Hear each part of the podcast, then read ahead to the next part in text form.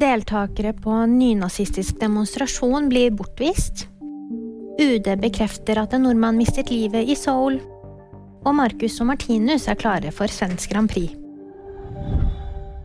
35 medlemmer fra den nordiske motstandsbevegelsen får bot på 6000 kroner. De ble pågrepet etter en demonstrasjon utenfor Stortinget lørdag. Bare fire av medlemmene var norske, resten kom fra andre nordiske land. Medlemmene skal ha nektet å følge politiets føringer. De utenlandske demonstrantene blir bortvist fra landet. Det melder NTB. En norsk statsborger har mistet livet etter en halloweenfeiring i Seoul i Sør-Korea. 153 personer er bekreftet omkommet i kaoset som oppsto i klubbdistriktet Itaewon. Ulykken skjedde da tusenvis av mennesker som var ute for å feire, ble trengt sammen i en smal gate. Den norske popduoen Marcus og Martinus er klare for den svenske Melodifestivalen. Det melder Aftonbladet.